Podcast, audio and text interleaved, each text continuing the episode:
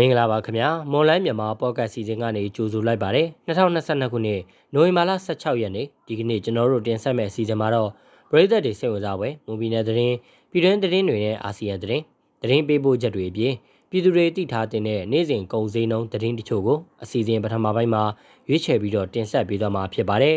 ဒါအပြင်အရှိတောင်အာရှနိုင်ငံများအသင်းအာဆီယံအနေနဲ့မြန်မာကိုအဖွဲ့ဝင်အဖြစ်ကနေထုတ်ပယ်ဖို့မဖြစ်နိုင်ဘူးဆိုတဲ့သတင်းပေးပို့ချက်ကိုလည်းတင်ဆက်ပေးပါဦးမယ်။ ဒီကနေ့အစီအစဉ်မူကတော့ကျွန်တော်ခက်မြတ်သူကတောင်ယူတင်ဆက်ပေးတော့မှာဖြစ်ပြီးကျွန်တော်နဲ့အတူမိမေရမုံကသတင်းတွေကိုကူညီတင်ဆက်ပေးတော့မှာပါ။နားဆင်ကြတဲ့ပရိသတ်အားလုံးကိုမင်္ဂလာပါလို့နှုတ်ခွန်းဆက်တာပါရစေ။ကျမမိမေရမုံကကိုခက်မြတ်သူနဲ့အတူကူညီတင်ဆက်ပေးတော့မှာပါ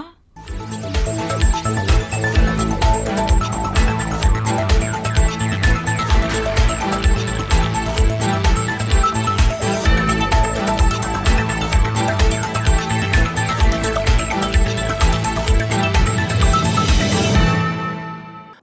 ရေးမြို့နယ်ရေးတံပြူစေးကကားလမ်းဘေးမှာရှိတဲ့စစ်ကောင်စီတပ်ခလာရ986တရင်ကိုရေးဘလူအဖွဲ့ကမနေ့ကနေ့လယ်12နာရီခွဲလောက်မှာဝင်ရောက်ပစ်ခတ်တိုက်ခိုက်ခဲ့တယ်လို့သိရပါဗျ။မော်လမြိုင်မြို့မှာ PDF တွေဖမ်းဆီးခံရတဲ့အပေါ်အခုလိုသွေးကြီးပြန်ဆက်တဲ့အနေနဲ့ M4 လက်နက်ငယ်ရောလက်နက်ကြီးနဲ့ပါပစ်ခတ်ခဲ့တာလို့ဆိုပါတယ်။စစ်တပ်က၄ဦးပြင်းထန်ထိခိုက်ဒဏ်ရာရရှိခဲ့ပြီးရေးဘလူအဖွဲ့သားတွေထိခိုက်မှုမရှိဘဲပြန်လည်ဆုတ်ခွာနိုင်ခဲ့တယ်လို့ရေးဘလူအဖွဲ့ခေါင်းဆောင်ကပြောပါတယ်။အဲ့ဒီတိုက်ပွဲကြောင့် ရေးတံဖြူစရာကားလမ်းမှာခရီးသွားရင်တွေအသွားလာမလုပ်ရဲကြသလိုအခြေအနေကမကောင်းတဲ့အတွက်တစ်ဖက်ကလည်းစင်ရာတိုးချဲ့နေတာတွေကြောင့်တိုက်ပွဲအရှိန်ပြင်းထန်လာမှာကိုဒေသခံတွေကစိုးရိမ်နေကြပါတယ်။အခုရက်ပိုင်းမှာစစ်ကောင်စီနဲ့နှီးစက်တဲ့နေရာတွေမှာမနေကြဖို့ခီးသွားလိုက်ရမှာလဲတနက်တန်ကြရင်တတိရှိကြဖို့ဒေသကာကွယ်ရေးတပ်ဖွဲ့တွေကတိုက်တွန်းပြောဆိုထားပါတယ်။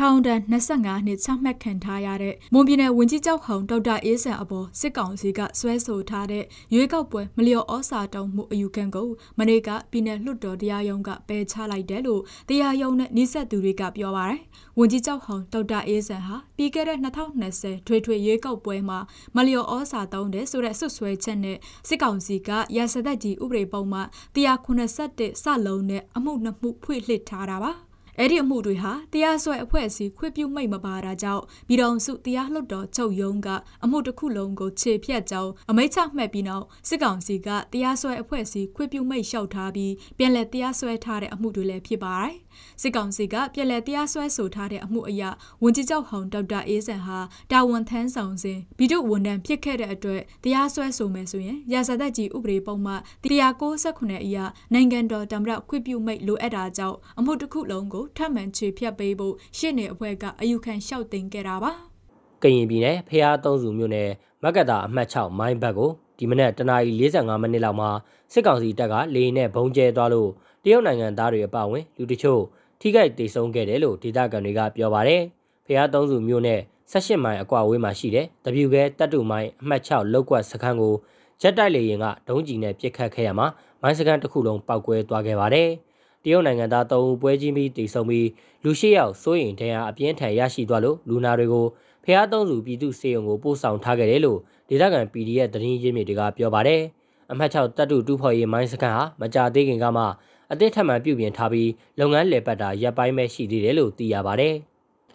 ရန်ကုန်မန္တလေးမြို့တွေကနေရခိုင်ပြည်နယ်စစ်တွေမြို့ကိုဆက်တွဲထားတဲ့ကားလမ်းတွေကိုစစ်ကောင်စီဘက်ကပိတ်ဆို့ထားတဲ့အတွက်ကုန်စည်စက်မှုတွေရပ်တက်နေကစားနေရိတ်ခါပြက်လက်မှုတွေရှိလာပြီလို့သိရပါတယ်။ စစ်တွေမြို့ကိုဆက်တွဲထားတဲ့ရန်ကုန်စစ်တွေအဝေးပြေးလမ်းမှာပုံနာကျွန်းစစ်တွေလမ်းပိုင်းတွေကိုစစ်ကောင်စီကပြီးခဲ့တဲ့နိုဝင်ဘာလ10ရက်နေ့ကစတင်ပြီးပိတ်ဆို့ထားခဲ့တာလို့သိရပါတယ်။ပုံနာကျွန်းမြို့နယ်အတွင်းအေအေနဲ့စစ်ကောင်စီတပ်တွေကြားတိုက်ပွဲဖြစ်ပွားခဲ့ပြီးနောက်မှာအဆိုပါလမ်းပိုင်းတွေကိုအခုလိုပိတ်ဆို့ထားလိုက်တာလို့သိရပါတယ်။လက်ရှိမှာရန်ကုန်နဲ့မန္တလေးတို့ကနေစစ်တွေကိုပြေးဆွဲတဲ့ခရီးသည်တင်ကားနဲ့ကုန်စည်ပို့ဆောင်ရေးကားတွေကိုလည်းတွာလာခွင့်မပေးတော့ဘူးလို့သိရပါတယ်။ ကုန်စည်စစ်ဆင်မှုအခုလိုရက်တက်နေတဲ့အတွက်စစ်တွေမြို့အတွင်းမှာဟင်းဒီဟင်းရွက်တွေပြက်လက်တာကုန်စည်နှုန်းတွေအဆမတန်မြင့်တက်မှုတွေရှိနေတယ်လို့သိရပါတယ်။ထိုင်းနိုင်ငံမှာမြန်မာလူသမားအများစုအလုပ်လုပ်ကင်နေတဲ့ Aerosol ဖနက်ဆက်ယုံမနေ့ကညနေပိုင်းမှာမီးလောင်ခဲ့တယ်လို့သိရပါတယ်။အဲ့ဒီဖနက်ဆက်ယုံဟာဘန်ချလုံဈေးနီးမှာရှိတာဖြစ်ပြီး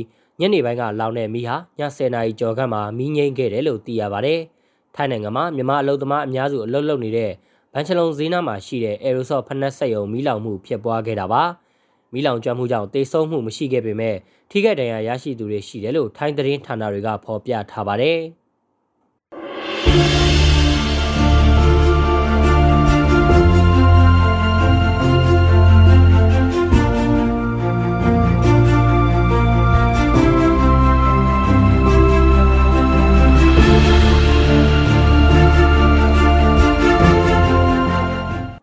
ဆက်လက်ပြီးတော့ပြည်သူတွေသိထားတဲ့နေ့စဉ်ကုန်စည်နှုန်းသတင်းတချို့ကိုမော်လမြိုင်ကုန်စည်တန်ကအချက်လက်တွေကိုအခြေခံပြီးကျွန်တော်ခန့်မြတ်သူကတင်ဆက်ပေးပါဦးမယ်။ဒီကနေ့ထိုင်းနဲ့မြန်မာငွေလဲနှုန်းကတော့ထိုင်းဘတ်80ဝယ်ဈေးရှိပြီးရောင်းဈေးကတော့81.53ညရှိနေပါတယ်။ဒေါ်လာဈေးကတော့အမေရိကန်ဒေါ်လာကိုဝယ်ဈေးမြန်မာငွေ2920ရှိပြီးရောင်းဈေးကတော့2950ရှိပါတယ်။ရွှေဈေးနှုန်းကတော့မီလ16ပဲရေတစ်ကြက်သားကိုရန်ကုန်ရွှေသိန်းဒီကနေ့ဈေးကွက်မှာ20သိန်း8800ရှိနေပြီး အပြင်ပေါက်ဈေး28သိန်းအထက်မှာရှိနေပါတယ်။73စီဈေးတွေကတော့ဒီဇယ်1လီတာကို2640ကျပ်အောက်တိန်92တလီတာကို2110ကျပ်နဲ့95တလီတာကို2240အထိရှိနေပါတယ်။စံစင်းနှုန်းကတော့အကောင်းစားပေါ်ဆန်မွေ108ပေါင်အမြင့်ဆုံးကို6500ကျပ်အလဲလက်တန်းဆန်မျိုးစားပေါ်ကျွဲတဲ့108ပေါင်အနိုင်ဆုံးကို9000ကျပ်နဲ့အမထဆန်တွေကတော့108ပေါင်အနိုင်ဆုံးကို4200ကျပ်နဲ့အမြင့်ဆုံးကို4500ကျပ်အထိရှိနေပါတယ်။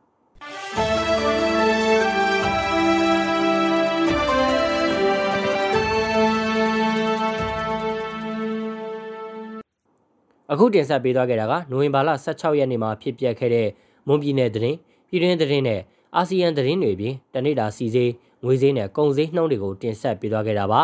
ဆက်လက်ပြီးတော့အရှိတောင်အာရှနိုင်ငံများအသင်းအာဆီယံအနေနဲ့မြန်မာကိုအဖွဲ့ဝင်အဖြစ်ကနေထုတ်ပယ်ဖို့မဖြစ်နိုင်ဘူးဆိုတဲ့သတင်းပေးပို့ချက်ကိုစတောင်းတက်စာကတင်ဆက်ပေးပါဦးမယ်။အရှိတောင်အာရှနိုင်ငံများအသင်းအာဆီယံဟာ မြန်မာကိုဖွဲ့ဝင်ဖြစ်ကနေထောက်ပယ်ဖို့မဖြစ်နိုင်ဘူးလို့မြန်မာနိုင်ငံရေးလက်လက်တောင်းတသူဦးရဲထုံးကပြောပါတယ်။အာဆီယံအနေနဲ့ဆုံးဖြတ်ချက်တစ်ခုချမှတ်တဲ့အခါအားလုံးကသဘောတူတဲ့ဆုံးဖြတ်ချက်ဖြစ်ဖို့လိုအပ်တယ်လို့ထောက်ပယ်တဲ့ပြစ်ဒဏ်ချမှတ်ဖို့လည်းမလွယ်ကူဘူးလို့သူကဆိုပါတယ်။ သူကအာဆီယံရဲ့ပြည်ညင်မှာကအဲ့ဆုံးဖြတ်ချက်တစ်ခုချဖို့ဆိုရင်အားလုံးကသဘောတူတဲ့ဆုံးဖြတ်ချက်ဖြစ်ဖို့လိုတယ်အဲ့တော့အခုအာဆီယံအတွင်းကအဖွဲ့ဝင်တွေရဲ့သဘောထားကမြန်မာအပေါ်သဘောထားကတော်တော်လေးကွဲပြားနေတာပေါ့နော်ဆိုတော့သဘောတူညီချက်ဒီထုတ်ပြမယ်ဆိုတော့အပြစ်ဒဏ်ပေးဖို့ဆုံးဖြတ်ချက်ကအာဒီအားလုံးသဘောတူညီချက်နဲ့ချဖို့မလွယ်ဘူး နောက်နောက်တစ်ခုကအာဆီယံရဲ့ဗရိညင်မှာကအာဒီအားလုံးသဘောတူပြီးမှဆုံးဖြတ်ချက်ချနိုင်တယ်လို့ပြည်တွင်းရေးကိုအဖွဲ့ဝင်နိုင်ငံတစ်ခုရဲ့ပြည်တွင်းရေးကိုဝင်ရောက်မဆွတ်ဖက်ရဘူးနောက်တစ်ခါဖိအားပေးတာချင်းကြောက်တာအကြက်ကင်တာမလုပ်ရဘူးဆိုတော့ပြဋ္ဌာန်းချက်ကလည်းပါတယ်အဲဆိုတော့အဲ့ဒီလိုဆုံးဖြတ်ချက်မျိုးဖြစ်လာဖို့ကတော့မလွယ်ဘူးလို့ထင်တယ်နော်မဖြစ်နိုင်ဘူးလို့ထင်တယ် ပြီးခဲ့တဲ့နိုဝင်ဘာ10ရက်နေ့ကကျင်းပခဲ့တဲ့အာဆီယံထိုက်တိကောင်းဆောင်များအစည်းအဝေးမှာမြန်မာနိုင်ငံကိုအာဆီယံဖွဲ့ဝင်ဖြစ်ကထောက်ပယ်ဖို့နိုင်ငံတချို့ကအဆိုပြုခဲ့ကြောင်းအဲ့ဒီအဆိုပြုမှုပေါ်အငင်းပွဲဖော်ဆွေးနွေးမှုတွေရှိခဲ့တယ်လို့ဖိလစ်ပိုင်သမ္မတမာကိုစ်ကပြောကြားခဲ့ပါတယ်။မြန်မာနိုင်ငံကိုအာဆီယံဖွဲ့ဝင်ဖြစ်မှထောက်ပယ်ဖို့အစီအစဉ်မဖြစ်နိုင်ဘူးလို့တရားလွှတ်တော်ရှင်းနေဦးကြည်မြင့်ကပြောပါတယ်။အဲအဲ့ရအဲ့ဒီတော့ဖြစ်မှာမဟုတ်ဘူးဗျ။အာဆီယံဆိုအဆအမလည်းဘာမှမဟုတ်ဘူး ဟိုဟာတောင်မှန်တောင်ပဲလုပ်နေကြတာလေဒီလိုပဲ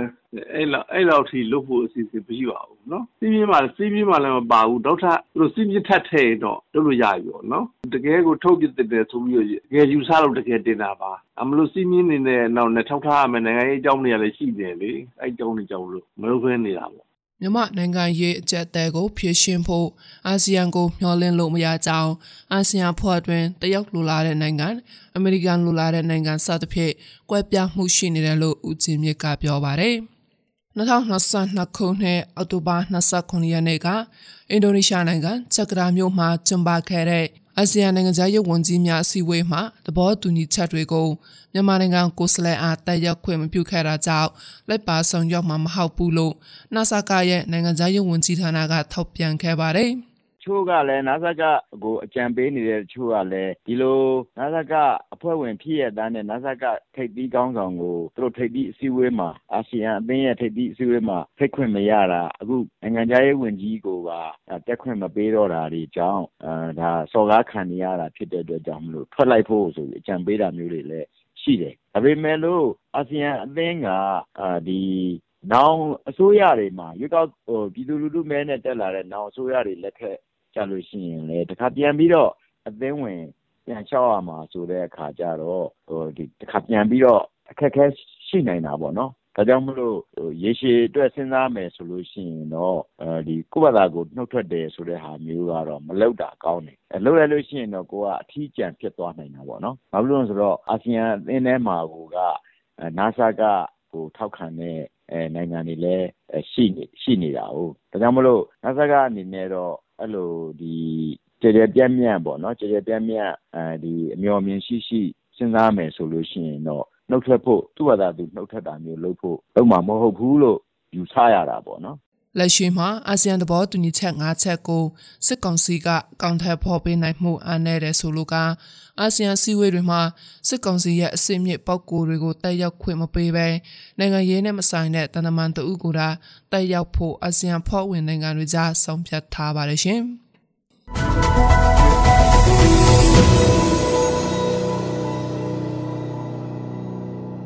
ကျမတို့ရဲ့မူလမြန်မာပေါ့ကတ်အစီအစဉ်ဒီမှာတင်ပြီးဆုံးပါပြီ။နားဆင်ကြတဲ့ rate အားလုံးကိုနောက်နေ့အစီအစဉ်တွေမှာဆက်လက်အားပေးကြပါအောင်လို့ဖိတ်ခေါ်ရင်းအစီအစဉ်ကိုအဆုံးသတ်ပါရစေ။အားလုံးကိုကျေးဇူးတင်ပါတယ်ရှင်